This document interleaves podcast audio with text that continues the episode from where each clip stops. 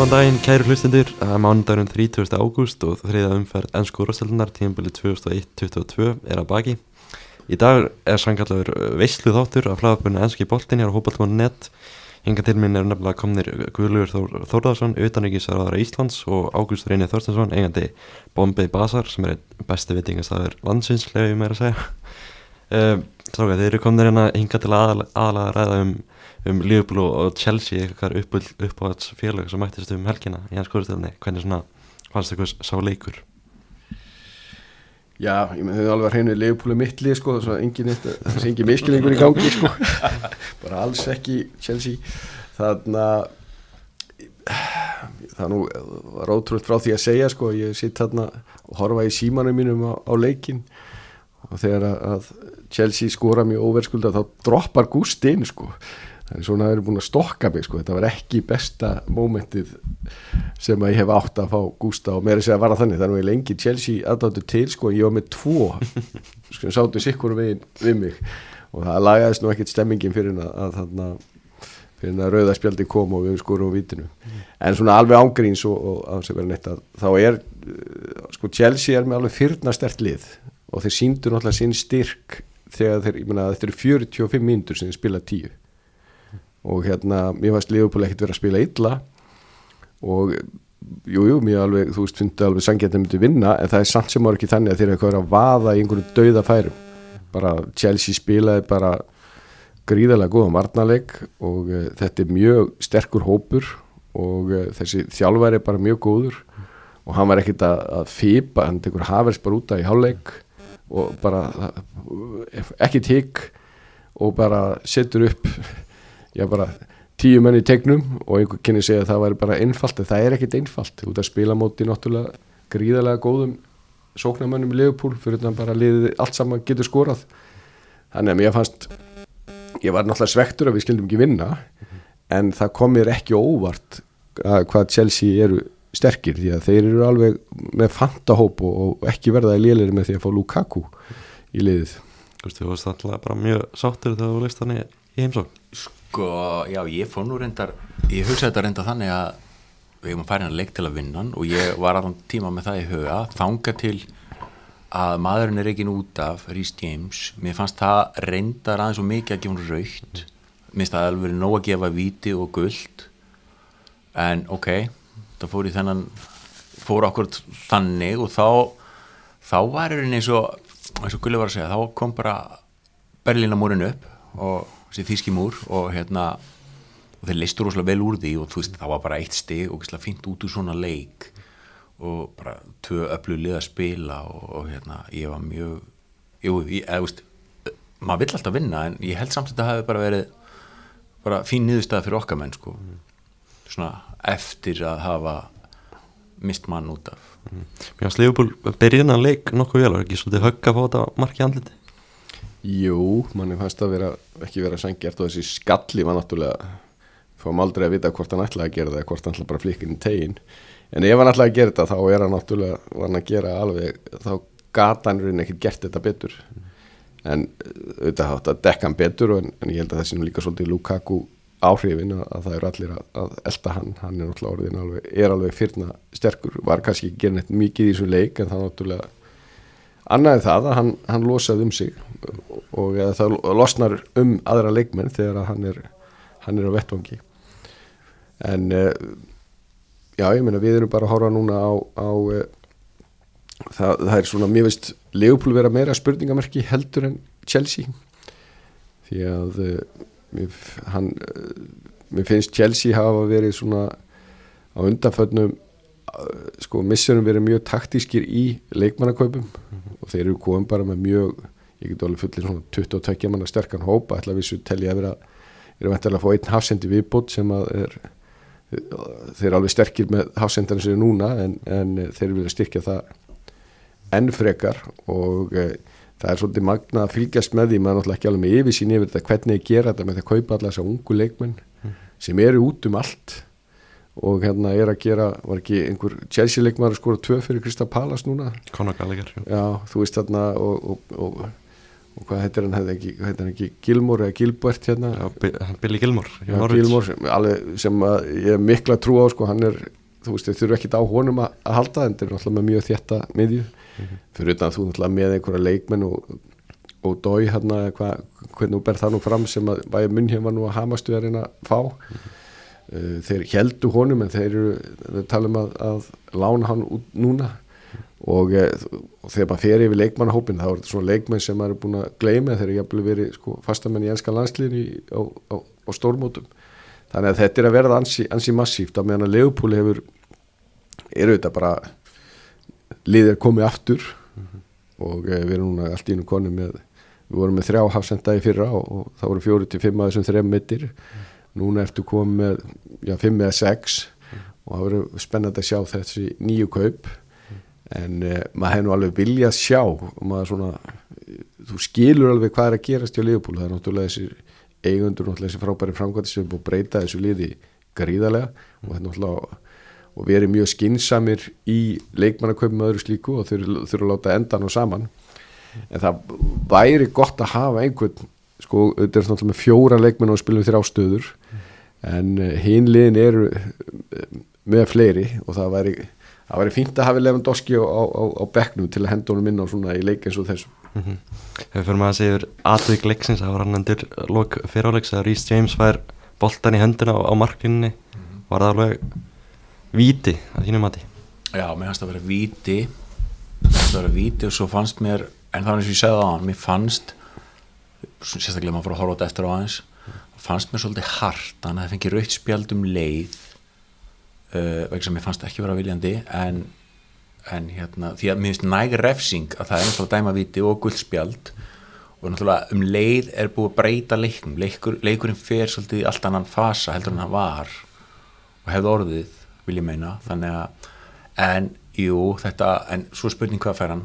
Þrjáleiki eða veist, hvernig eru reglunar, ég þekki það ekki. Mm, Ég er ekki alveg ég held að það gæti verið þrýleikir Já, þeir hljóttu nú áfríða því, ég trú ekki öðru sko.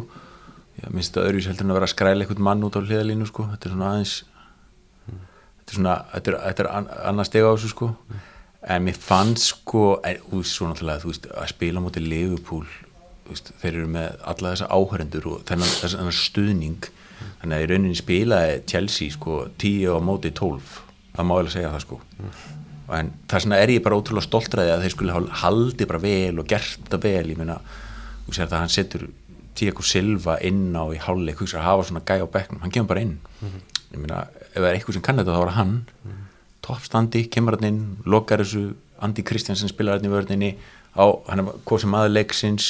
Og ég meina, þe- þetta er bara gæja sem kunni þetta og þeir lokuðu þessu bara vel góðu markmaður og labba bara sáttum í stíð. Það er bara svo leis, en, en, en þú veist, þetta er annað lið en við mættum í lok síðasta tímanbils, þá náttúrulega voru svo margir laskaðir hjá Liverpool og þegar við unnum Liverpool þá var enginn Van Dijk og, og, fle- og vantaði bara hellingi lið þeirra. Þannig að núna, núna er, er hérna, núna voru að mæta mun sterkara Liverpool-liði, ég vil meina það.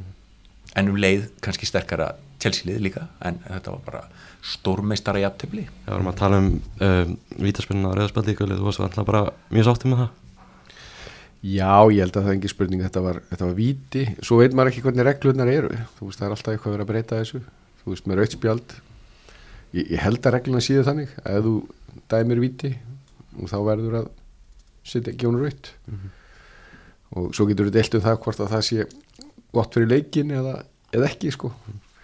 Klopp fekk þá spurningu hefði Leopold unnið Chelsea ef að þeir eru verið áfram með 11 leikmenn sko? Þannig að þarna þetta breytir alveg, alveg leiknum ekki það að þetta var gaman að horfa á hann en, en auðvitað hefði þessi leiku verið allt öðru í sig ef, að- ef að Chelsea hefur 11 í, í setniháleik það, það sér það hver maður. En þetta voru bara já þetta var fullorins leikur og einhver sagði nú að það nú verið gaman að fá hann að leik svona setna í tímabilinu og það er kannski að því að maður svona svolítið líka að sjá þessi lið svona aðeins þróast. Þau mér fannst ég horfði nú á, á svolítið að Chelsea Arsenal, mér fannst nú þó Chelsea ekkert unnið eitt stórt að mér fannst þetta að vera svo mestrarflokkur spilað við annar flokk. Það var ekki, það var engin hætta þó Arsenal hafi eitthvað byrjað ákveðlega og eitthvað svo leiðis og Leopold hefur líka verið bara þú veist, Norvins og Burnley bara gert þetta bara príðilega, þú veist, þetta er allt, annað, allt ennum holling á liðinu heldur en var nú stóra hluta síðast en það bara munar svo mikið um þessa menn og, og það er náttúrulega líka spennandi að sjá og því að mér tala um alltaf kaupin hvað leiður þetta að kaupa þú veist, þú ert með tvo leikmenn sem að við getum ekki komið staði hvort að séu getur en við fáum að spila. Og þá verður við sér Harfi Elliot og Curtis Jones.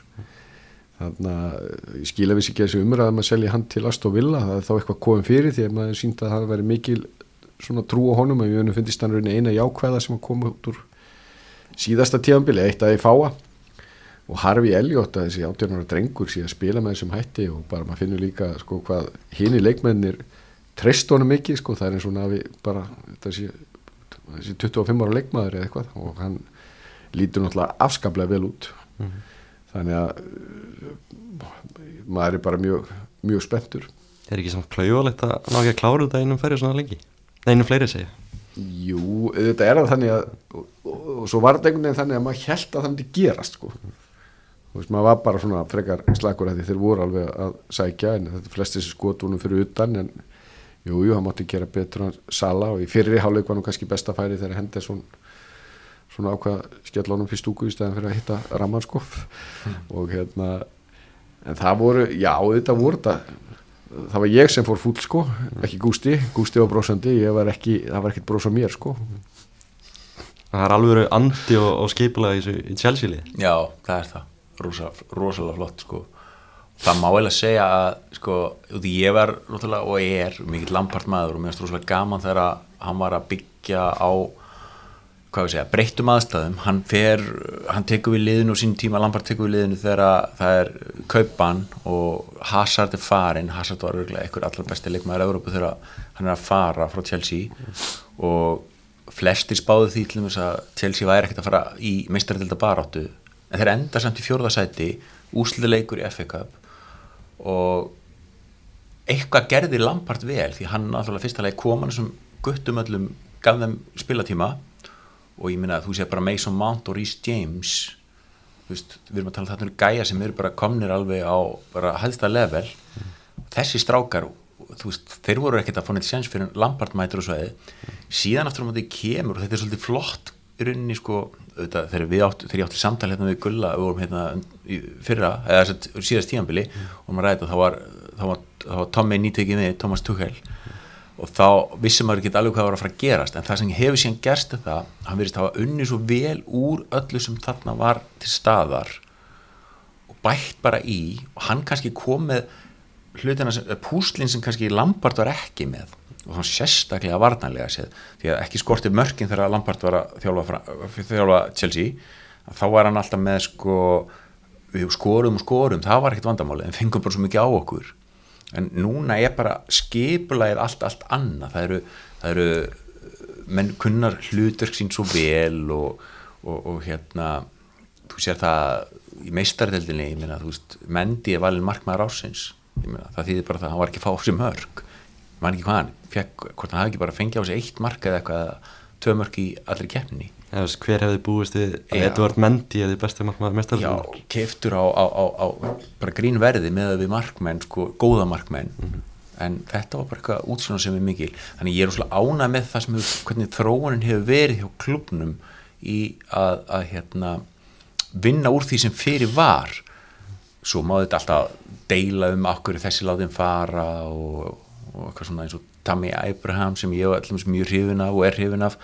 Mér finnst hann ekki fóð mikið sjens hjá, hjá Tuchel í fyrra sérstaklega vegna þess að Timo Werner var alltaf að brenna af, ég meina það lítur til ykkur tölfræðum dauðafærin sem hann klikkaði á síðast tímanbili og ég var að hugsa með mér Tammy hefði nú klárað eitthvað að þeim en svo kemur náttúrulega, er svo margt annað sem kemur inn í þetta, það er pressan varnavinnan, hvernig vinnaður úr þessu og, og kannski var hann ekki einn sterkur þar þannig að en, en, en allir sem eru núna að spila eru með rosalega svona skilgreynd hlutverk og gera hlutinu sína rosalega vel og, og ég meina komið Lukaku inn í þetta það er náttúrulega bara þetta draumur í dós maðurinn er, er, er sko hann lítur svo vel út núna hann er, hann er í svo miklu standi eitthvað sem að hann eh, menn kvörtu undan þegar hann var hjá United hann hefði ekki verið nú miklu góðu standi. Og þá hittir hann náttúrulega fyrir annan gamlan góðan Chelsea mann Antonio Conte sem gjössanlega bara bara spændan niður og náði bara fr- fram fyrir það besta í honum. Og hann var bara klár og er virðist vera klár. Auðvitað náttúrulega á hann eftir að skora og gera allt það sem að þessar 100 miljónum punta segja hann eigi að gera en, en, en, en þetta lítur vel út. Þannig að ég er mjög bjarsinn á, á tímabili ég verið að viðkjanna það og, en ég svona, er samt ekkert að segja það fyrir bara við erum að fara að vera mistarar ekkert svoleiðis, ég meina horfða á City, ég meina horfða á Liverpool það er allir í toppstandi og, og ég meina come on Ronaldo er komið til United þetta er ekkert gefið þarna sko hann segir horfða á Liverpool ef ekki að horfa á Liverpool í þetta titilbáratu Jú, við höfum þetta að gera það Ég sé finnst fínt þegar að vera að afskrifa okkur sko. Ég bara, þú veist, ég ger, engar aðtjóðsendi við það sko. ég var ekki afskræðið sko. Nei, ég veit það, en ég meina að það er búið mikið verið að gera það sko. En þarna uh, En, en uh, Þetta er samt sem að sko, það er náttúrulega ekki verið neinn styrking sko, á leikmannamarkaðinu uh, en það er nú oft verið þegar þú ert nákvæmlega í þeirri stöðu að þá hérna þá koma líka ungi við leikmennu upp. Og uh, við erum náttúrulega með Elliot og Jones kom í fyrra. Uh, þetta er náttúrulega þeir bara okkur finnst alveg sjálfsagt að Trentarinn sem náttúrulega kortnungur skilur hann er náttúrulega búin að vera í nokkur ár. En bara sko mánt hefði ekkert fengið til þess breykið ef að það ekki verið pínu ves hjá Chelsea sko. Þeir eru alveg löngu búin að shipa honum út í láni eða hvað veri sko. Nú alveg, þeir eru þurft að kaupa þessar leikmenn oft aftur, þeir voru með Lukaku menn hann tilhengu til að gleyma því sko. En hann þannig að uh, ef að, og mér sýnir sko Leopold ætla bara og virðist vera er nú einhver, svona sögursagnar þegar við sett sko verið með tilbúð í alvöru leikmenn og þá alvöru, alvöru tilbúð og það er alveg ég meina þú ert með leikmannahóp eins og er með núna þú ert ekki að kaupa bara einhvern sko. Annarkur kaupur bara einhvern alveg eins og þeirra keift Alisson og Van Dijk. Veist, kaup, og þeir eru bara dýrir. Þú bara kaupir svona leikmenn sem eiga þá að fara inn í liðið. Síðan eru bara ef ekki, nú þá bara eins og þeir að vera að gera að kaupa einhverja eins og þessi ungi þarna, Clark eða Clarkson eða hvað var hérna frá Newcastle þú veist, þú kaupir bara svo- svona unga efnilega leikmenn alveg eins og Harfi Elliot kefti frá Fúlam og mikið pening með hvað var ungur. Því mér finnst þetta alveg vera, vera skynsald en auðvitað þá þú, er maður alltaf að láta sér dreyma að það komi einhver einhver leikmaður sem er kannski ekki draunhaft er kannski ekki þannig klubbur að kaupa Mbappe, ég veit það ekki sko þarna, eða, eða Holland, það er náttúrulega bara en, en enda þetta snýst kannski ekki liðið byggt upp með, með öðrum hætti. Og hérna en ég get ekki sagt eitthvað að ég skilji ekkert í því hvað er að gera. Það er ekki þannig að, að sko þessi hópur öskra á því og þú verðir að fara að kaupa inn í einhverja stöður sem, að, sem enn í núna, meina það er náttúrulega líkur fyrir að ef að Keita er ekki að klára þetta núna og þá er það spil bara búið. þetta er, hann, er á, hann er á síðasta sjans og svo þetta með þessu ungu leikmenn sem ég nefndi en síðan er náttúrulega með leikmenn sem að hafa bæði unni mistaradeildina og, og ennskudeildina og, og þeir eru ekki verri leikmenn en þeir voru þá sko. félagskipti klukkin er að loka á morgun. Viltu ekki sjá Leopold kaupa einn ein leikmann aðra klukkin lokar? Jú, þetta, þú veist, auðvitað vill maður alltaf fá hana, styrking á liðinu. Og auðvitað getur sagt að eh, öll lið sem að vera á toppnum að þau hafa alltaf kift einhvern svona til þess að bara keppa, bara halda mönnum svona á tánum. En á sama tíma þá sko ég maður þá til að við vorum að kaupa þá David Speedy og einhvern svona, það var ekki kannski alveg þú veist, það var svolítið kannski að kaupa einhvern sko, þarna en, en uh, það verður að vera réttu leikmaður sko það við erum alveg farið gegnum tímanbíl þar sem við kiptum alls konar sko. Og svo bara fór alveg rosalega mörg tímanbíl í að reyna að losna við þá. Og við höfum alltaf verið að, að losa okkur nú að leikmenn sem að stiga ekki upp þegar þið þurft að gera. Því að síðasta tímanbíl var tímanbíl fyrir þá leikmenn sem voru ekki í liðinu að, til að stígu upp og sína að þeir væru þess virði að keppum og, og veri í liðinu. Og þannig ég er alveg sáttu við það að losa þá á launaskrafni en, en uh, það er ekki sama hver það er ekki það að þegar Júnati kefti Rónaldó þá er umræðan við að kaupa einhver frá Preston North End og þó myndi ég rífa með tánögla ég man ekki hvað hann heitir sko, bara aldrei heyrt um hann sko, hann er kannski góður og bara fínt á hann en þetta var kannski ekki frábær samanbyrður en, en Chelsea, býstu við leikmann að kaupa um aðra klukkin lokar Já, þeir eru eitthvað að tala um að taka hérna franska Sevilla hérna Jules Kunde. Já, þeir eru svolítið þeir eru eitthvað spurningin er bara svolítið lokið því. Vantar okkur varnamenn uh, í rauninni ekki eins og við vorum að ræðum á hann það eru rosalur hópur hérna en það er eitt sem kannski gleymist í umræðinu það eru tveir gæjar hérna í Chelsea liðinu sem eru að eru að klára samning eða eru að renna út af samning. Það er Rúdiger kallinn sem er rosalega búin að vera rosalega góð einn af þessum stegu upp í eftir, eftir stjóraskiptinu fyrra svo Andi Kristjansen sem að líka hefur verið að stígu upp og er að verða einhver allra besti varnamæður bara Európa held ég, ég minn hann átti frábært setni hlutaði fyrra og svo náttúrulega Európa-kefnin en þessi gæri eru sett á síðasta ári og ég held að gangi ekkert allt og vel viðræðina við Rúdiger því hann vil fá einhvern ofursamning. Hann kannski aðeins fann að líta stærra á sig heldur hann á að gera og vil fá einhvern svaka samning og langan samning og það er ekki alveg innan held ég sko hvað við segja, hugmyndafræðarinn hjá Chelsea er að þeir semji held ég hvort sér til þrítugs eða eitthvað rétti við þrítugt. Þeir eru ekki að gefa svo löngu samninga. Maður ekki hvað Rúdiger er þessi 28 ára eitthvað þannig að er, þeir eru pínu líka hrætti við það að lenda kannski bara alltaf í því að missa mm. eitthvað líkilmenn og þá verða það að eiga alvöru bombur í, í, í hérna, verkvarakassanum sko. Mm. en það var hérna líka ungur strákur sem koma óvart á undirbúinastímfélinu það er nú einn, eitt batnið enn sem kemur úr, úr, úr leikskóla Chelsea. Já. Og það var gæi, menn höfður endur alltaf trú á honum svona innan klúpsins og höfðu svona mikla væntinga til hans. En aldrei hafði hann fengið að spila meistaralhúsleika en eitt eitthvað viti. Svo undirbúinustímulinu þá bara að heilla hann Tuchel svo mikið að hann var alveg sér það að hann var raunni bara sló í gegna á þessu hvort sem var á æfingum og þessum æfingarleikjum og hann gati ekkert litið fram hjá hann allt í nú er hann bara í byrjunliðinu í, í hérna, leiknum móti Villarreal hérna, og átti mjög góðan leik. Svo í næsta leika móti Kristal Pallas og hann bara maður leiksins og skorar. Og hvað þá, það erstu bara með hérna gæja veist, þannig að ég hefur engar áhyggjur að því þó ég kaup ekki ákvarðat í veist, þessum glugga klári eitthvað meira, þeir eru aldrei búin að eða peningum sko, mm. þetta er eins og gulli segið það er oft kannski bara gott að vanda sig og setja bara á eitthvað, eitthvað sem virkilega þart á að halda í liðinu. Eins og Lukaku, eins og Lukaku getur gefið svo mikið sko, fyrir hinna það er eitt sem gleymið svolítið sko, þegar eh, sko, Chelsea hefur alltaf vegna rosalega vel þegar er svona alvöru nöyt þarna frammi. Ég meina Drogba var þarna og gekk allt vel. Svo er eitt sem að glemist alltaf umræðinu það er Diego Costa. Ég meina, munið hvernig hann var ég við erum meistarar með hann. Þá tók hann svo mikið til sín, losnaði um Hazard og William og Pedro og svo stráka. Þannig að ég sé svolítið svipað að vera að gerast núna, nú er losnaður um vonandi Hazard og hugsaðlega Werner og Mount og Sijek, þetta er alveg fullt að gæjum. Þannig að ég held að veist, ég er alveg sáttu þó að þetta er bara komið. En þeir eru líka að losa út þetta er náttúrulega risa, risastór hópur. Það getur líka verið ákveð ójabægi ef þú ert með of marga góða í hópnum og þá fyrir að myndast svona spenna hjá þeim sem að fá ekki að spila þannig að það getur alveg verið að það séu þeir eru búin að losa Zuma einn af þeim betri hafsendur sem ég séð minnst hann rosalega góður og ég minna skora mikið sem eina sem var að hjá honum, hann gæti bara ekki sendt boltan eins og túheil vildi mm. allt annað hafa þannig að þeir eru búin að losa út menn eitthvað en, en jú, kannski kemur þessi franski þarna Kunde, Kunde.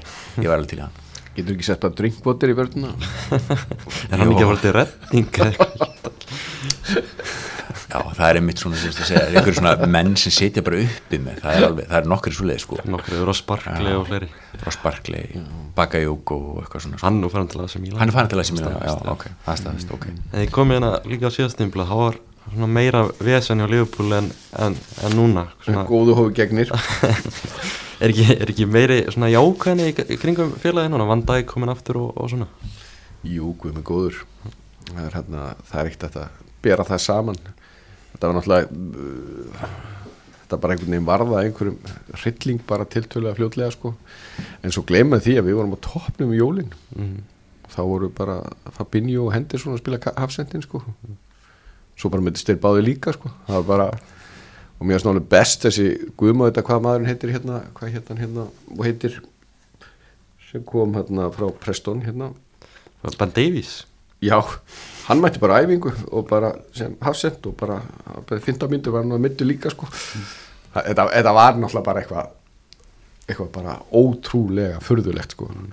og en mjög gott að þeir skildu bjarga sér þarna undir lokin og síndu mikið karakter að gera það en þetta er rauninni bara liðið sem að vann, vann deildina mínus vinn í aldum og þetta munar um hann. En á mót kemur þá ertu með, með Jones og Harvey Elliot og aftur. Mena, það að uh, svona íta á sko kloppa okkur kaupir ekki fyrir vinn í aldum og hann bara benti réttilega og þú veist það er ekkert að tæpa, kaupa hvað sem er. Og aftur það eru með, sjá nú hvernig, hvernig Harvey er að spila. Þannig að það er ekki alveg bara sko eðlilegt að gefa honum tækifæri. Bara átjarnar gammal strákur hana. Já, ég meina, svo ertu með Curtis Jones líka, þú ert með Keita og, og hérna og eh, fleiri reynda þarna, þannig að ég hérna eh, mér finnst ekkert óeld, ég held að þið gera þannig að þið sjá eitthvað svona annarkvort einhvern sem bara er á einhverjum einhvern góðan pening sem að bara make a sense, það er ekkert of mikið og þá munum við bara láta hann fara inn en síðan býðaði vantilega bara til í janúar klukkan og sjá hvernig það gengur. Og uh, uh, því að aftur það er, mér myndi ekkert líða vel að fá bara, þú veist, eitthvað inn fyrir 30, 40, 50 miljónir punta. Þú veist, ef þú ætlar að fara þanga svo allir leikmenn og það er svolítið magna í COVID sem að þýndi tekjufall í öllum félögum að þá verðist einhvern veginn verðin ekkert vera að lekka sko. Sem er Bara náttúrulega að hækka við eitthvað já, sem er alveg stór magna sko. Og hérna að þá bara þannig að það var ekki þannig að ef að þeir hefur setið á einhverjum, einhverjum sjóðum að þá getur við farið og, og bara gert í einhverju bruna útsölum hjá öðru, öðru félögum kipt einhverja, einhverja leikmenn. Það, það verðist ekki hafa svo stað verðist ekki verið uppi. Það voru náttúrulega tveir, tveir gæjar sem þið fenguð í fyrra sem gætu virka rúslega vel, annar virka mjög vel í fyrra, Jóta, kom hann ekki í fyrra? Jú, jú. og svo líka einn meistari sem þú gleymir alveg að minnast á það hérna frá Munhjön, hérna Tiago jú, jú, Díako, já, fyrir ekki að hann náttúrulega hefur rúslega reynslu og hefur unni mikið þannig að það, er eitthvað sem geti sprungið út í ár. Jú, jú, nákvæmlega, ég nú glemdi honum hvernig, hvernig gerði það en það er náttúrulega nákvæmlega bæði Tiago og Jóta komaðan inn í, í fyrra. Voru í meðslum, sko Jóta byrjar mm. svaka þessi Jóta rosalega vel og svo bara lendir hann í meðslinga, þetta var bara einhvern veginn maður svona í alvöru þarna, það, bara heilin virkar þannig þegar eitthvað svona hörmulegt að maður bara einhvern veginn svo sjálfkrafa byrjar að gleyma því sko, því að það bara það, það er einhvern veginn og það er bara sárt að rifja þetta upp, sko, við erum bara að hugsa um tímbili núna. En þið áttu náttúrulega eitthvað stórkostlegasta endasperð sem hægt er að minnast á sko eins og í fyrra. Já, ég þeir alltaf komið, ég meina hvað töpu við, hvað sex leikjum í á Anfield, þetta var eitthvað- svo algjörð ella þá hérna, þá fór þetta á stað aftur og það var bara mjög vel gert að klára það. Klopp sagði þetta verið eitt mest afreik sem hann náð að, að, að ná í mistradildasætið og, eh, og meina það er nú bara nýtt tímabil og eh, þetta er ekkit eins og þegar maður, þegar maður nú farið ekki um dimma dali með liðbúlið, sko, þetta er ekkit eins og þegar maður þá maður var alltaf með einhverja von þó að, þó að hún var kannski ekki alveg kannski mjög raunhæf að eh, ég meina Leopold er bara með uh, mjög gott lið og það er verða að berja- berjast um toppnum, það er engin vafi. En aftur á móti að þá eru hinliðin búin að styrkja sig gríðarlega, ég meina Chelsea styrkja sig gríðarlega á, á, á tveim síðust árum, ég meina þó að Werner á ekki ennþá fann að slá í gegn á þessi Havertz, ég held að hann getur orðið alveg, alveg sko, með þeim allra bestu. Uh, svo er náttúrulega City að uh, þeir eru komið grílis í staðin fyrir Aguero og uh, þeir munu öruglega kaupa einhvern í janúari en á ekki einhverjum, einhverjum núna, mista af Ronaldo. United komið Sancho, Varane og, og hérna Ronaldo. Og þetta er og síðan held ég að lið ég held að, ég held að Tottenham hafi bara verið heppi núna að hafa mista öllum sem framkvæmtastjórn og enda með þennan. Ég held að hann sé bara uh, fantagóðu framkvæmtastjórn hafi sínt það og uh, sé besta sem þeir gáttu fengið. Og sama held ég að því miður að segja það Everton með Benítez, það held ég að bara það, það getur orðið eitthvað sko, hann, hann kann alveg sitt fag og ég er ekkert að spá þeim þess, þessum Everton og Tottenham að þeir verið mistarar en þeir, þetta verður alvöru lið og sami lester þannig að þú komi með þetta verður spennandi að fylgjast með þessu því þetta verður þarna mjög mörg lið sem er að bæta sig og eru, eru gríðarlega sterk og sterkar enn í fyrra Mhm. Það var ekki bara liðbúr sem endaði síðasta tímabil vel, það var Chelsea gerði það heldupötu líka. Tommy, Tommy Taktik, hann kom bara að breyta öllu hann gerði það, hann gerði það og hann var kannski sérstaklega og skemmtilega fannst mér nú þetta, hvernig hann var að fara með sitt í þannig í restina sko í, ég man ekki hvað áttu tvo eða áttu þrjáleiki á það held ég hann í restina. Já, og það var alveg, það var æðiskengið að fara í gegnum það og, og hann gerði það bara eitthvað svo vel. Mér fannst það sko, sumir ekki að tala um þetta hefur svona hefni og grísuðumst á eitthvað, það fannst mér ekki. Mér fannst þetta bara rúslega vel gert á allan hátt og, og, og hérna leikur, leikirni við, við þessi liðarni restina bara vel, þú veist, það var ekkert eitthvað svona að í stundum er talað um að lið vinn eitthvað, veist, grísist á eitthvað en mér fannst ekkert vera eitthvað svona eitthvað grís yfir þessu, mér finnst það bara að vera vel útfært og allan hátt, átti svör við öllu því sem að sko, taktíski snillingurinn Guardiola var með. Þú veist, hann átti bara svör við því og snýri bara algjörlega á hann. Þannig að þetta endur alveg stórkostið, þetta var alveg frábært. Maður er náttúrulega, þetta var svona framar mínum björnustu vonum og örgulega allra Chelsea manna. En, en hérna, það komið nýtt tímanbíl og, og ég held að nummer 1, 2 og 3 sé að ná langt í ennskudeldinni og þetta náttúrulega mistaradeldinni það er margir byggarar framöndan heimsmestarakernin og, og byggarkernin að báðar að, og við erum búin að vinna nú þegar einn þannig að við getum gert eitthvað skemmtilegt á þessu ári. En en sem ég segi, þetta er náttúrulega fljótt að breytast líka ef eitthvað, eitthvað klikkar. Þetta sáðu þið hvernig fór hjá leigupúli fyrra þegar fer eitthvað svona maður sem er gjásalega heilin í eða kannski ekki heilin í liðinu aðalega bara svona höfðingin í liðinu.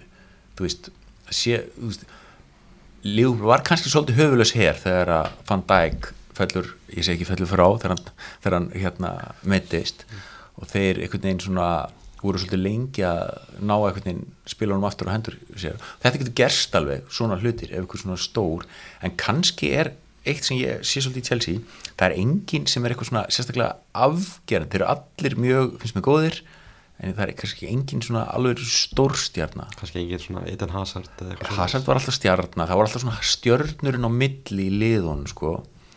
en þegar Chelsea gekk sem best hérna mástu, með Lampard og Terry og Drogba og Jack og þessa gæja þá voru þeir margir mjög góðir. Og ég er svolítið að sjá svipaða rithma í þessu núna, margir verulega góðir sko, en kannski engin stjarnar áður við svona rennum snögt yfir hínalegi sem vorum helgina mm -hmm. að Jó, voru aðri leiki líka? Það voru aðeins líka, líka. Ég tók ekki því. Þetta er svona kannski, kannski heimskvæli spurning en hvað er, enda Liverpool og Chelsea á þessu tífumbili? Ég held að ég hef spáð rétt síðast. Ég ætla bara að spá okkur sigri sko. Það er bara fyrsta seti já, ég ætla bara að gera það. Það er hérna Chelsea í öðru ég, þetta veit maður náttúrulega ekki hvernig það fyrir það er hérna en mér feist sko nei, nei, ég mig bara að vera uh, bjassinn þarna fyrir þetta. Mér feist eins og það að því að voru nefna svo munin, sko ég held að það gerist ekki á Chelsea, beð þó að vera einhver, einhver meðsli ég vísu það, ég held að það mun ekkert liði lenda í svona meðslum menn gleyma því kannski að Van Dijk náttúrulega hann meðist og þá stend, stígur Gómez upp. Svo meðist hann líka svo meðist hann líka. Ok, þá hendur við bara og svo náttúrulega Matip sem meðist alltaf hvort heldur sem ég skilur og þá allt í einu Fabinho og Henderson og bara, ok, þetta er bara ganga ágætlega sko. Svo meðist hann. Já, þá meðist þeir líka, sjóta bara skorandi þetta er alltaf að gera, og þá meðist hann. Tiago, hann myndist þú veist, þetta var bara, þetta var bara einhver, einhver dómadags della sko. Markmaðurinn upp að því? Já, fyrir það.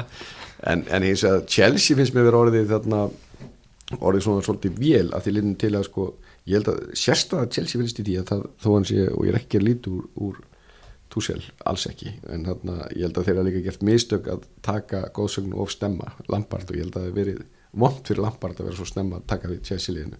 Þetta er bara svipað svo Gerrard og þetta vil maður að Gerrard taki við hann en maður vil að hann fá aðeins að þroskast annar staðar og hann, hann tekur við. En Chelsea er orðið einhvern veginn þannig að þeir eru bara með þessa sko, skipulöðu sko, innkaupastefnu og kaupa þessa ungu leikmenn sem að þarna eh, eru svona lánaðir út og, og þá seldi bara með einhverjum hagnaðu, þetta sér maður náttúrulega ekki þess að þeim kaupa og verður ekki neitt úr en samt sko þetta er alveg ótrúlegu fjöldi. Og þarna og það verðist sko bara svona framkvæmastjórun er ekki virkar ekki sem algægin í meina það fer ekki að milli mála sko klopp er algægin hjá Liverpool og Guardiola hjá City og Óli Gunnar faktisk líka hjá, hjá United. En ef þetta klikkaði á túsel þá er þú komið með mjög breiðan hóp. Þetta er ekkert ósipað eins og því Abrahams tók við þá keft tveir leikmenn í hver einustu stuð og það bara gengið svona bara skipili í það. Og þið er alveg komnir með það. Og uh, þetta klikka hjá þjóðurinn ok, þá er bara, þú veist, það er og það þarf ósað að lítið, það er bara nokkri leikir og bara, heyrðu, bara gaman að hitta þig og, og, hérna, og alltaf velkonu völlin en þú ert ekki lengur að vinna þetta og svo bara pikka með einhvern annan, þetta er svona þetta er öðru í sig svona kultúr heldur, en- hjá hinn heldur að, heldur að Róman stýri þessu engung á bakvið eða er það eða er hann bara með fólk sem að er að taka ákvarðunar fyrir hann? Ég held þú getur ekki gert það þannig að einhver gerir þetta svona í rassasannu sko, ég held að þetta hljóta að þeir séu bara með með eitthvað teimi sem að reki, reki klúbin og, eh, og ég beði þetta er ekki bara lampart, ég menna það er svo sem voru ekkit að gefa Mourinho hérna, setna, þú veist, eitthvað, eitthvað langan tíma og ég man ekki nöfninu öllum sem framkvæmst þetta er ekki, þetta er ekki smá nöfn sem hafa komin og, og það er alveg sama Ancelotti og, og hvað er heita alveg sama hvað Conte. Já, Konti, hvað er þetta stór nöfn og, og Konti gerði það meisturum og, og bara, heyrðu, fyrir ekki bara gaman að hitta þig, byrja hilsa, þú veist, það er bara það er engin, engin klubbur sem er svona, það er ekkert lojalitet bara, heyrðu, hann verður nú að fá tækifæri af því að hann gerði okkur að meisturum. Og hann bara, ég meina eins og Mourinho, ma- manni fannst hann nú ekkert fá mikið breyk þau að hvað sem finnst um hann að þá gerði hann stórkostlega hluti fyrir Chelsea. Já. og hann mætti halda það að hann væri einhverju innegn nei, hann átti sko ekkit inn á inni hjá, hjá Abramovich þannig að rauninni það sem gerist hjá Klopp í fyrra þegar hann átti þess að tap hreinu ef þetta hefði verið hjá Chelsea þá hefði örgulega verið búið að búið reyka klopp, Já. ekki spurning Já. sko, ekki spurning, og ég meina, en ég held að sko aldrei kvarla að eigundum sko Liverpool að reyka klopp. Og jafnveg þó ekki komið mistar til það, hann er ekkert verið reikin en það hefði það verið algjörlega fáránlegt.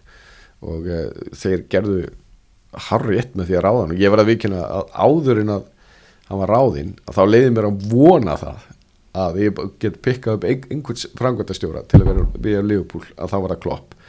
Og svo getur þú deilt um það, þú veist aldrei hver er bestur og hver er næst bestur og slíkt, en Klopp dettur algjörlega inn í Liverpool. Hann bara, það er allt hann, hann tikkar í öll, öll bóksin og uh, hann er líka með að því auðvitað hann geta að fara í, í mörg önnu lið.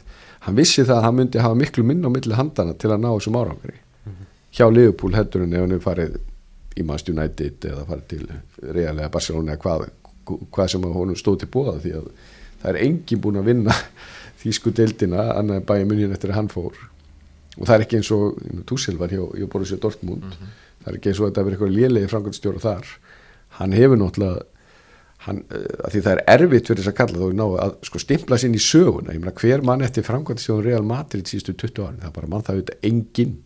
Og hérna eða, eða Barcelona, þetta er bara einhvern veginn svona bara kemur og fer. Bara hringi ekki. Já, en meðan að, að Klopp er búin að koma sér í sögubækurna, hann er búin að koma sér á þann stað að aðdándi Leopold muni halda upp í nafni hans sko næstu ára tugina. En hvað endar Chelsea á þessu tímabili? ég leiði mér að vona í fyrsta en ég held samt að svona fyrstu þrjú sætin væru bara eins og, stað, eins og þetta er að spilast núna þetta er svo stuttlið á þessum móti. En mér finnst, ég held að það geta alveg verið ásættanlegt, ég meina þetta getur farið út í hún að tala um það, það eru bara, við erum alveg að sjá hérna fjögur gríðalega sterklið ég, mér finnst alveg bara, það er ómögulegt að segja sé, það, það er svo lítið oft að eitthvað breytist til að þrá og þá þú veist, það getur bara verið svona rauðspjöld og okkur svona vesen sko, sem getur þess að breyti okkur þetta liður ofar en hitt. En, en jú, svona öllu óbreyttu þá á Chelsea klárlega að berjast um titilin, engin spurning. Með mannskapin og þjálfaran og, og, og, og, hérna, styrkin sem þeir hafa og líka hefðina, þetta eru að vinna alveg rosalega síðan að Róman tók við. Bara þetta er, þetta er bara meinda um hvað búið að vera mikið af, af flottum hlutum. Þannig að ég held að sé ekkert sem að í spilunum sem segja að við hefum ekki verið að berjum, berjast um hinn, hinn eina sanna. Þannig að ég sé, já, ekki sé fyrsta. Það er ekki bara. Jú. Það kannski, kannski næg umræða núna um Liverpool og Chelsea. Ef við erum í fyrsta leika helgrannar þá var það Arsenal á móti Manchester City. 5-0 Sigur City, kom það ykkur á óvart eða? Nei, ég raun ekki, það var hérna, Lee Dixon sagði svona bara, þannig að var að tala um framtíðar tetta, sko, hann náttúrulega fær tækifæri og hann eh, fær tíma því að þeir eru þess vegna eru ekki lág peningan ef hann, svo breytist allt, ef þið tapar 6-0 fyrir City sann og tapar einu, munið einu marki. Ég veit ekki alveg, sko, ég meina, mér finnist sko, Arsenal er svolítið svipum stað eins og þarna eftir að Wenger hættir eins og þegar United þegar Ferguson hættir, þetta er náttúrulega slervitt, þetta eru menn sem bara búin að veist, þeir eru búið að stýra öllu í klubnum í alveg gríðalega langan tíma eða klubunum uh, það var samt sko og það var alveg komin tími á hópana þeim báðum. Munur líkur að United hefur fjárfyrst alveg miskunnust og mútu deltu það og þeir eru með mestu ja, með, svipaða pening á City á undanfjöndum árum. Mútu deltum hvort að þetta allt verið skynsald öruglega ekki, en þeir hafa sett alveg sko massið í það. Arsenal hefur, jújú jú, þeir eru að setja eitthvað núna en manni finnst sko já, ég verið Arsenal ég hefði bara mjög mikla ráðugjur því það er náttúrulega eitt það sem gerist eins og United lendi líka þegar sko þetta gengur ekki upp og skiptir um frangöndastjóra svo kemur nýrmið og hann tekur á móti leikmönnu sem er eitthvað svona samasapn mm -hmm. og okay, Óli er að fá núna tækifæri eðlilega úr því að þeir ákveða að taka hann þá er náttúrulega að gefa, gefa hann tækifæri en allt þetta, þetta er fyrsta lið sem hann stýrir hann er aðstofmaður Pekkar Tjóla mm. og hérna held ég að sé hæfum að, já ég held að ég held að sé bara mjög hæfur en þú ert að setja svolítið, þarna, taka svolítið mikla áhættu með því að segja, taka sko þjálfara og gera hana sko framkvæmdastjóra uh, sem hefur enga, enga reynsla því að, að stýra liði. Og núna bara þetta, þetta lítur bara ljómandi í lút ég menna því að ekki glema því að þeir byrja að spila Brentford og þeir bara tapa þeim leik og þeir eru neðstir í deildin núna Núlstík með núlstík og guðum á þetta hvernig markatalan er. Þannig að, að þarna uh, þetta er annars við náttúrulega ekki taka neitt frá City, ég menna City er náttúrulega alveg fyrna sterkir og uh, þetta var ég bara gott fyrir ennska boltan Harry Kane, hann lefi bara, bara tók ekki síman þegar hann hindi og var gráðbyðan um að, að þarna fá að fara.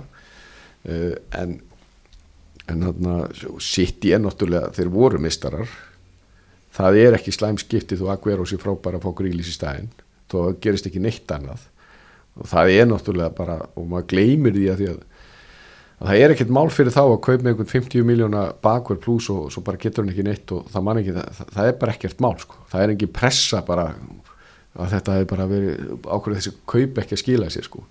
og hérna hann er mjög stund að vera svona tvent annars er bara að síni hvers konar fyrrnastert lið mannstu sitt í, sitt í er en þetta lítur ekki vel út fyrir æsna mm. Gúst, þegar tími artið þetta komin Ég er svolítið rættur um það. Og ég er líka ennþá rættur um það að minn, okkar maður konti sér á leðin tilbaka. Og það er endar ekkert gott fyrir okkur hinn liðin því að hann er útrúlega klókur að en reyndar sko, hann er klókur að búti góð, góð lið en, en það er eina við að hann hann er ekkert sérstaklega mikið fyrir að vinna með stjórnendum liðana það hefur því miður verið hans veikleiki og þannig að ég veit ekki hvernig það fer ef, ef hann er að koma þar að segja. En sko þetta með Arsenal, ég er bara svo sammála líka bara minnst kaupstefnun hafa verið svo eitthvað, eitthvað skringileg, menn þeir eða hvað 70 miljónum punta í Pepe? Ég menna, og hvað? Hvað er gerst, þeir eru búin að fullta ykkur um 20 miljónum, 30 miljónum punta í ykkur að gæja sem ég kann ekki eins og nöfnin á. Ok, það er hljómanir sem sé ekki að líti úr þeim en þetta er samt þetta er samt svolítið dabur því þeir hafa líka verið að búti fullt á ungum strákum.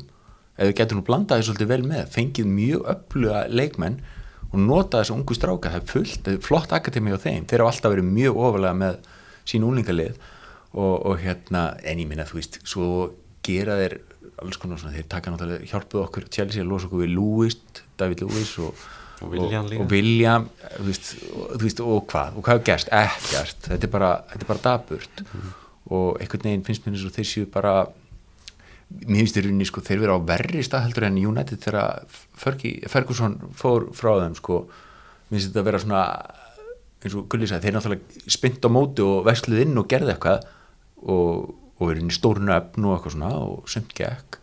En þarna bara einhvern veginn ekkert að vera að ganga og maður er ekkert að sjá neitt í spilun og það sé að lagast. Ég held að þeir eru bæði verið á verri stað þegar Menga fór heldur en United þegar, þegar Ferguson fór. Mm -hmm. en síðan alltaf líka að því að Conte, já, hann er bara frábær frákvæmstjóri, en er hægt að gera eitthvað? Jú, það getur alveg haldið þessu lið upp, ég er ekki að segja það en er eitthvað að gera með hann hóp? Ég menn, er þessi hópur að vera að keppa um titla? Nei, ég held ekki. Ég bara, þú veist, maður og maður er einhvern veginn, getur ekki Ben White á einhverja 50 miljónum punta ég meina, var einhver að keppa við á um hann? Ég, nei, ég veit það ekki, skilur, þú veist, þarna hann er, ég held þetta og maður bara einhvern veginn átt að ekki á því ekki hvað er í gangi. Þetta áttu er svona alveg spretti í, í fyrra og það er vantalega það sem menna að vera veðja og allt þetta sem verður einhvern veginn bara að ná þessu sko. Það er búin að vinna eina dóllu, hann vann okkur í Hann tvað tvær, hann tók samfélagsgjöldin já, líka. samfélagsgjöldin, já, ok. Já, já, nákvæmlega en, en já, já, kannski höfum við bara rosalega rámt fyrir okkur en, en mér finnst þetta ekki líta vel út. Það voru þarna nokkri leikir klukkan 14 og 0 á sem maður tekur kannski helst út úr þessu Evertón er að byrja mjög vel. Það er náttúrulega eins og þú sagðir á hann, það er Rafa Benítez stjórnfélinn, hvernig er að sjá hann stýra erkifindunum í það er nágrunum kannski, frekar. það er pyrrandi að mörgum ástæðum auðvitað þú veist og þú getur samt skilið hann sko vegna þess að sko hann er bara þetta er svolítið hann er að, að stökkva á þetta því að hann er ekki að vaðin einum tækifærum sko. Og hann hefur veginn verið svolítið óöfinn eftir að hann fór frá Liverpool með það að hann stýrnum meðlans Chelsea. Þannig að hann einhvern veginn hefur ekki það hefur ekki klubbu tekið hann sagt heyrðu bara nú ert þú að fara ég er með kannski Newcastle en samt ekki sko.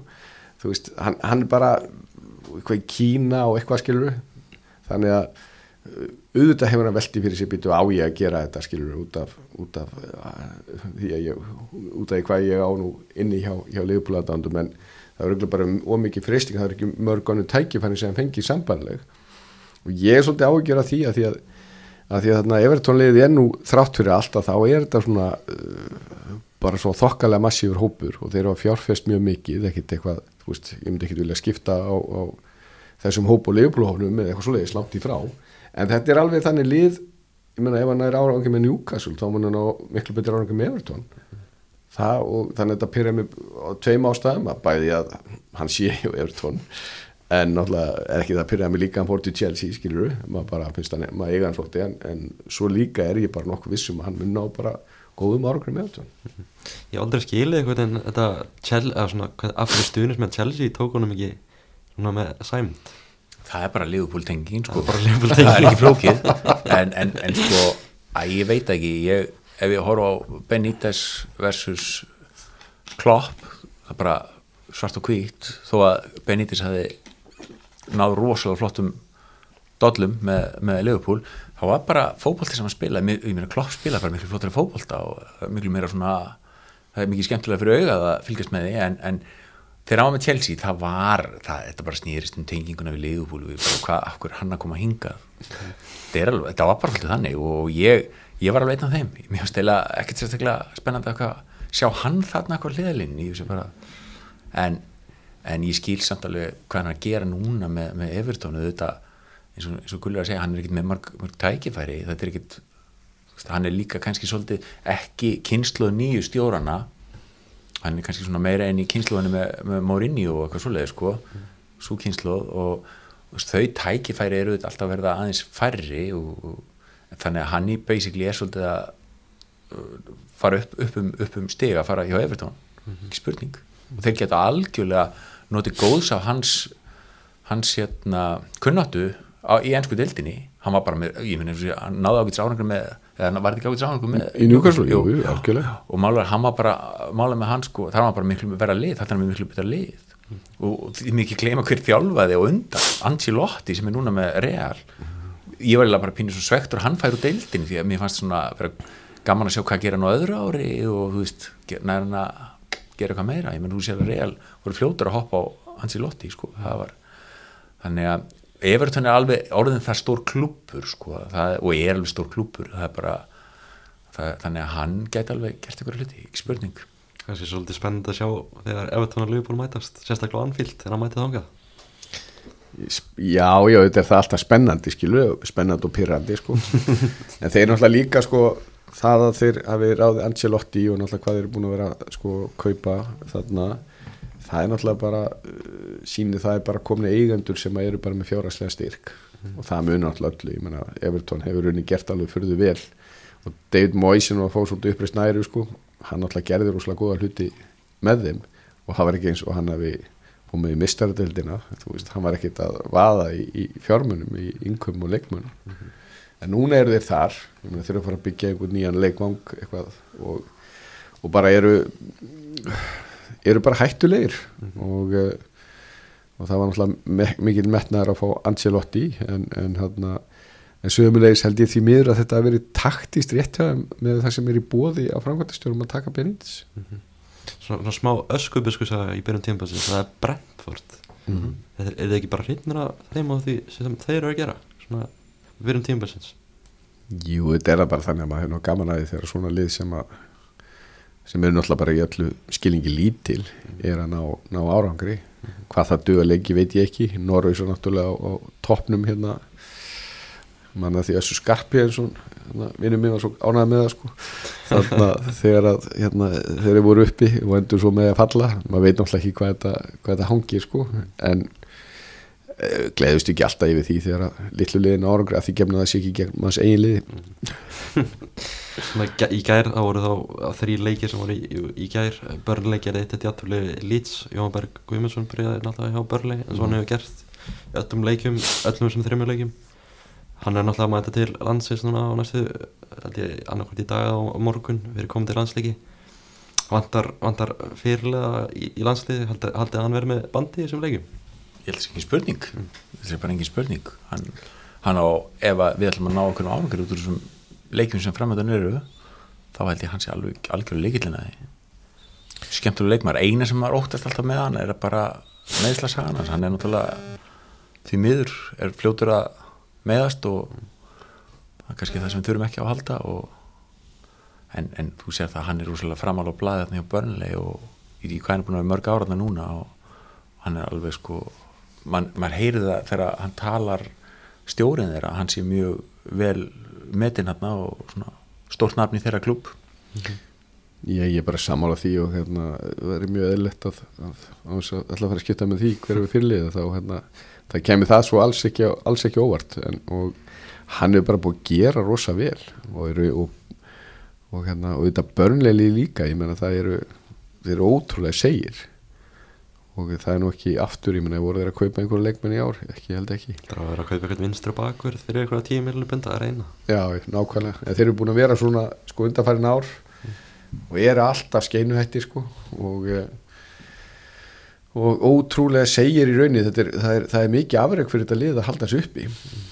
Og eh, en sér náttúrulega líka lít sem að þetta þarna er það þannig að maður, ég ætla ekki að segja sé einhver, einhver aðnáðandi lít sem á marga vini sem eru lítsar og þeir eru náttúrulega búin að fara í gegnum hræðilega eh, hluti og koma óvart með að við sko sögu klúpsins sem er nú ekki alveg að það er sín eitt samba fótbolti að það, þetta er ótrúld að hafa hann að þjálfara með í rauninni þetta uppleg hvernig spila og, og hérna einhvern veginn hann verðist bara að segja heyrðu ok, þannig að ég vil freka að þið tapi bara 7-4 heldur sko 1-0 sko, þannig að bara djöblisti bara og þú veist, þetta verður mjög skemmtilegu fótbolti. En það reynir náttúrulega svolítið á þetta lið núna, það var svolítið uh, þú kemur fyrst upp að það er svolítið öðru sér öðru sér stemming og hérna þannig að sko en lýtslið er, er stór skemmtileg. Þannig að sínin finnst mjög styrk börnleg að, að þeir ekki gefa neitt eftir og, og ná þessum árangur á móti þeim. Það er tóttunam, náttúrulega þeir eru á tóttunum í delni einarliðið með fullt af stiga. Hvað er svona að sjáu fyrir ykkur á þessu tímblið fyrir tóttunam ég held að tóttanum sé bara í rauninni á ágæti stað að því litum til að það er búið að tala á svo niður. Væntingastjórnunin er bara fín það er bara ekkert um að vera og menn, ég meina, voru hugsanlega að missa og líklegast muniðin og missa Harry Kane á einhverjum tímabúndi uh, þeir hafa lítið bætt við sig eitthvað aðeins samt. Uh, þeir auglistu sko, auglistu ekki fókbalta.net eftir þjálfara, ég held að það var, það vildi bara enginn taka stöðina þarna á tíma og þetta var, alveg, þetta var eitt jók sko, en, en svo endan kemur hann hérna Nuno. Nuno. og hann er alveg sínt sig, hann er klóku þjálfari. Og ég einhvern veginn held að þetta sé bara svolítið gott fyrir tóttana, það þurfa ekki að fara endilega inn í tímabili með eitthvað brjálaða pressa á sér. Að það er engin sem, ég er ekkert við sem að menn sé að bú, þeir fæstir búastöðum í toppfjórum þannig að klúpar þeir vilja vera ofalega og þeir vilja vera að fá vilja vera í toppfjórum að sjálfsögðu bara með að við hvað þeir hafa verið að gera síðustu ár þá held ég samt að þeir séu bara yrni, það hjálpar þeim að hafa ekki þess að pressu á bakinu að vera, vera fyrirfram búið ákveða okkar sem góða sko, það er búið ákveða frekar sem slaka mm -hmm. eða slaka, verri heldur en verri stöðu heldur en voru kannski í síðustu tvö ár. Mm -hmm. en þeir eru með fullt af flottum mönnum og það er alveg, veist það er alveg, það getur ymslitt gest þar, þannig ég held að reyndar hefur komið svolítið óvart hvað er að byrja vel sko. En, en þetta er náttúrulega bara fyrsta lota. Þetta er margar lotur hann í slepp ykkur að langaði með að ræða þennan síðasta leik við, við ykkur. Það var Master United á móti Wolves svona frekar slög framist að hjá United mönnum í þessum leik? Já, ég hérna uh, maður myndi alltaf það að því að ég held að það veri mikill missi fyrir Wolves að, að missa núna og ég er alveg sammála Gústa þegar hann að greina tótnalið og ég held að það getur komið óvart. En þeir, ég horfði á setna áleikin hérna og United var nú ekki gera mikið sko það verður nú bara alveg að segjast. En það eru en þeir skilu og ég meina það er samt líka styrkur. Það er styrkur eða þú ert ekki að spila vel að, spila, spila, að skila stígum mm. og það er það sem United búið að gera. Og menn hafa tilnegu til þess að tala á niður en bara þeir voru í öðru seti fyrra.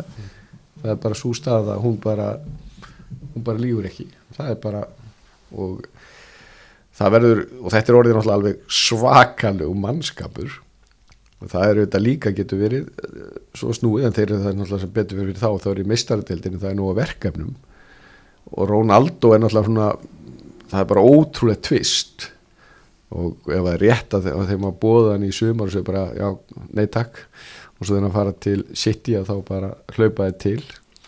Og menn svona ég hef mikið verið að velta þessu fyrir mér sko því að þú veist hann er 36 ára en ég menna hann spilaði rosalega vel í örmótnu mm. hann var langmarkast í Juventus þó að Juventus væri ekki að gera gott mót.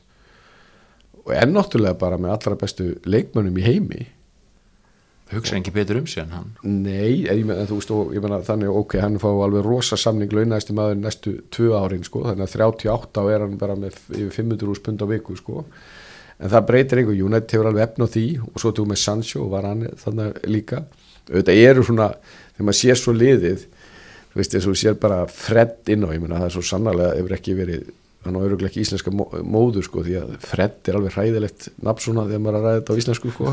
En þarna en, en sko og er þarna skilur sem að hann átt betri daga sko. Uh, og James inn á sko. Þarna en það er fullt af öðrum, öðrum leikmönum þarna. Og ég var að sjá einhverja uppstillingu þar sem er þrjá, fjó, þrýr, fjóri í hverja einustu stöðu og United menn hljóta að gera gríðarlega kröfu á þegar í öðru seti og þetta er náttúrulega vantalega er þetta mesta styrkingi hjá, ekkert vantalega, þetta er náttúrulega styrkingi hjá, hjá uh, liðum í ennsku deildinni, í raunin bara langmestu þó þeir Ronaldo þá er samt var þetta, fannst mér þetta að vera svona klók og, og, og, og góð kaup. Mm uh, De Gea, þess að ég tók nút úr leiknum að Gea er komin aftur. Hvernig hann varði að því hann alltaf verið farið svona ekki alveg verið að gera sig en, en í tvö tímanbíl þá bara heldur Unitedin í meistaradeildinni með einhvern veginn svona bara einn og sér sko. mm -hmm. og hann verðist vera alveg komin bara á þann stað þar sem hann er bestur þannig að ég held að það er nú engin að afskrifa United, það er bara langu við og frá, þeir hljóta að vera að berjast bara um englansmistaratitil núna því miður Svona... Þeim vanta náttúrulega finnst mér persónulega, mér finnst þeim vanta þarna djúban miðjumann og við erum að tala um Fred og, og, og Matic, þannig að ég held að sé engin spurninga, ef þeir hefðu það er eða púsli svolítið sem þeim vantar í þetta. Og svo líka eitt, ég veit kannski núna er ég að henda fram einhverju bombu sko, er eins, eins mikið og ég fíla Óle Solskjær, er hann maðurinn til þess að vera með svona stort lið með svona mikið af, af, af hérna, eh, fjárfæstingum í gangi er hann maðurinn til að koma þeim í þetta sem þeir vilja fá að vera. Sumi segja hans, hún er sér fjárstýrt af Alex Fergusoni en spurningin er, er þetta maðurinn? Ég veit það ekki. Ég er með pínu evasendir, ég vona samt að ég sé ekki það ég vona þeir vinni okkur eða sé ofurinn við en, en ég hef samt svona pínu evasendur en það. Og svo náttúrulega alvöru miðumar sem þarf að vera þarna djúpur og taka. Og sér nú bara hvernig er með þeirra með kanti ef, ef, ef þeir væri með svoleiðis mann þá er það náttúrulega bara engin spurning? Ég mækt Tominei enn og vísu fyrir næstu sko náttúrulega bara meittu núna en ég, mér var skrítið þegar gáfu Óli sensin, það er svolítið sem eins og með Lampard að hann fær sensin mjög snemma. Hann náttúrulega er þarna legend hjá, hjá liðinu en hann er að taka náttúrulega við svakalega stóru stóru verkefni þeir, en hann hefur svona sem aður það bara, ára, hann er hann á betri árangur þeir, heldur þeir sem undan komi liði er á réttri leið. Þannig að þeir og þeir úr þeir tókan þá verða hann alltaf að gefa honum, gefa honum tækifæri. En uh, en þeir hafa líka sko og þeir, ég veist einhvern veginn þeir voru að kaupa Ronaldo og Cavani og svona leikmenn sem er nú ekki alveg á táningsaldri. Þá ertu líka bara, við ætlum bara að gera allt hvað við getum til þess að ná einhverjum alvöru titli að alvöru árangur, við ætlum ekki að býða eins og hann sagði sjálfu, við getum ekki býðið jafn lengi eins og, eins og Leopold, það er það sem að svona, stendur upp úr en, en það er alveg ljóst að, að Cavani og, og Ronaldo þeir eru ekki þeir eru ekki framtíðin en móti komið út með Greenwood og þú út með Rashford og þú út með mjög unga og efnilega leikmenn þann inni sem að, að og Sancho náttúrulega alveg kornungur þannig að, að það er að nóg að taka og þetta er orðið, orðið fyrnastökru hópur en ég svo sannarlega er ekki að vonast til þess að þeir að þeir standi undir þessu öllu saman. Nei, við getum það ekki. Það var náttúrulega þessi reysastóru tíðindi í síðustu viku. Meðgutaskvöldi að fóru United menn bara flesti grátandi inn í, inn í svepp sko og svo vöknuður alveg skjálfbrósandi þegar Kristján Ronaldo mættir hversu stórt er þetta fyrir United og, og ennska boltan bara í helsinni Þetta er náttúrulega reysastórt Þetta er svo romantist fyrir þá og ég, ég hef tekið þessi romantík allan daginn ef þetta hefði verið að gerast sko svona gammal leikmaður frá Chelsea að koma tilbaka. En, og þá koma til Chelsea en hérna, mér fannst sko, ég pínur hrættu eitt í þessu, að venjulega hefur þetta alltaf verið þannig gegn tíðina að liðin hafa verið byggð í kringum Ronaldo. Ef við spáðum hans í svona aftur og bak þar að segja svona þegar hann fer frá eftir hann fer frá United og eru þeir þá að fara, er þá Óli að fara að breyta svolítið sko því sem hann kannski hefur verið að leggja upp með og var að leggja upp með alveg þangu til og miðugudag er hann þá alltaf að fara að breyta svolítið uppstillingu og taktík til þess að Ronaldo virki? Ég er, ég er að velta þessu fyrir mér ég, kannski hef ég rámt fyrir mér. Og, og hérna hvernig fyndar hann inn í það sem er að gerast og hans hugmyndafræði og þetta er svolítið svona óskrifa blað en, en það er alveg byllandi romantík í þessu og það geggjað að fá hann í þess að deilt það er engin spurning, ég meina bara, veist, bara það, veist, maður gæti að fara að kveikja á þessum leikjum til þess að sjá bara hann er hann að kallin mm -hmm. ekki spurning. Já, ég meina hann alltaf, þeir munu selja fullt af treyjum það verður fullt af ungum, ungum, ungum krökkum sem munu fara að halda maður Þeir eru búin að borga hann upp núna.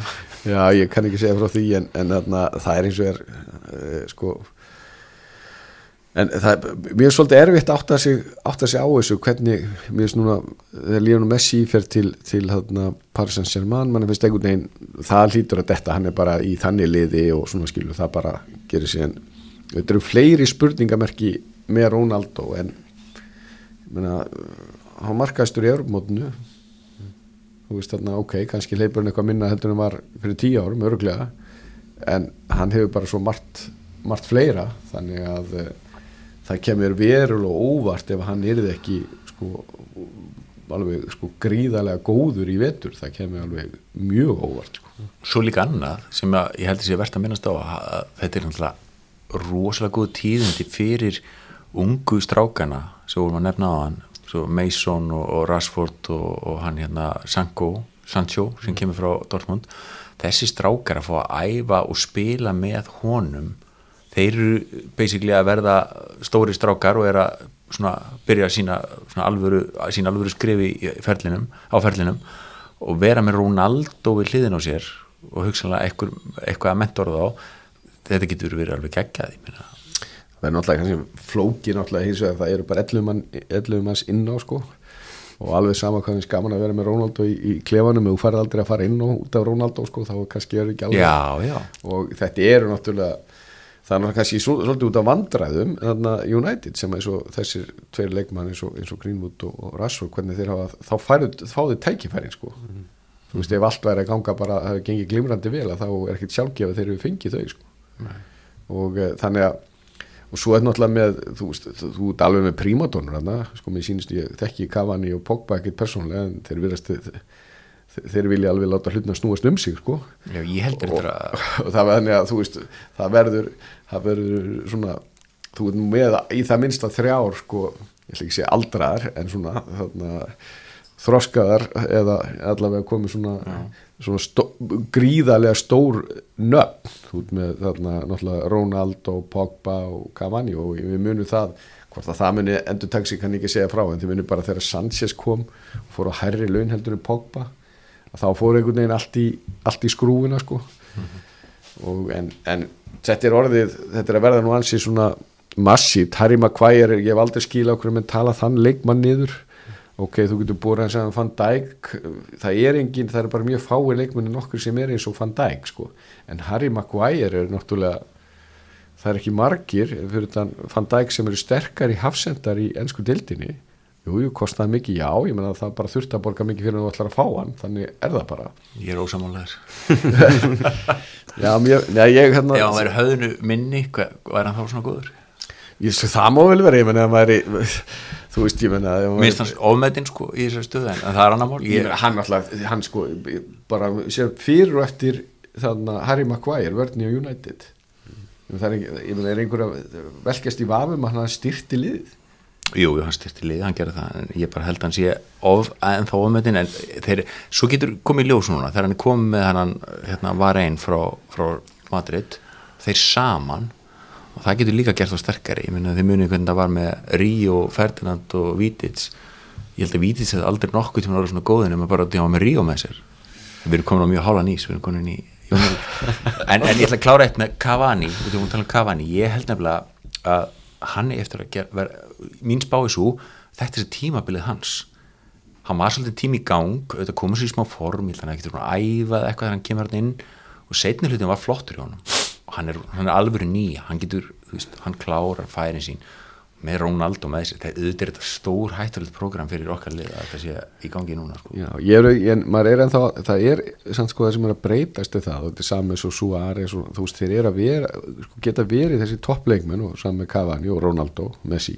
Þeir eru sko á toppnum miklu virðast vera lengur, þeir bara fara betur með sig, meina það er ég, þú veist, meina Alan Ball sagði einhvern tíðan hann, hann spila hann undir fertuta sko þegar hann þegar hann var með 20 og 30 þá hljópa hann fram og tilbaka sko, en með 30 og hljópa hann þvert þeim undir svo Ryan Giggs sko, hann bara breytti alveg leikstíl sko og spilaði hann aðeins lengi en þessi gæjar sko, maður svona alltaf býða til því að þeir bara eru orðni bara over the top, bara þetta er þetta er orðið ágætt sko, það voru frábærir en Sérðu Slatan, Slatan ég, meina, ég, ég myndi mér ekki minnast á Slatan sko, hann Silva í Chelsea, hann er þarna alveg frábær 36-7 ára. Já, þetta er það sem að, að maður svona, það rugglar þetta eins og maður lítur á aldrun hérni, ei þetta það er ekkert að fara að gerast hér en, en það er bara þeir eru ennþá ennþá að. Og Ronaldo, ég meina 36 ára að fá tveggja ára samning með þessi laun.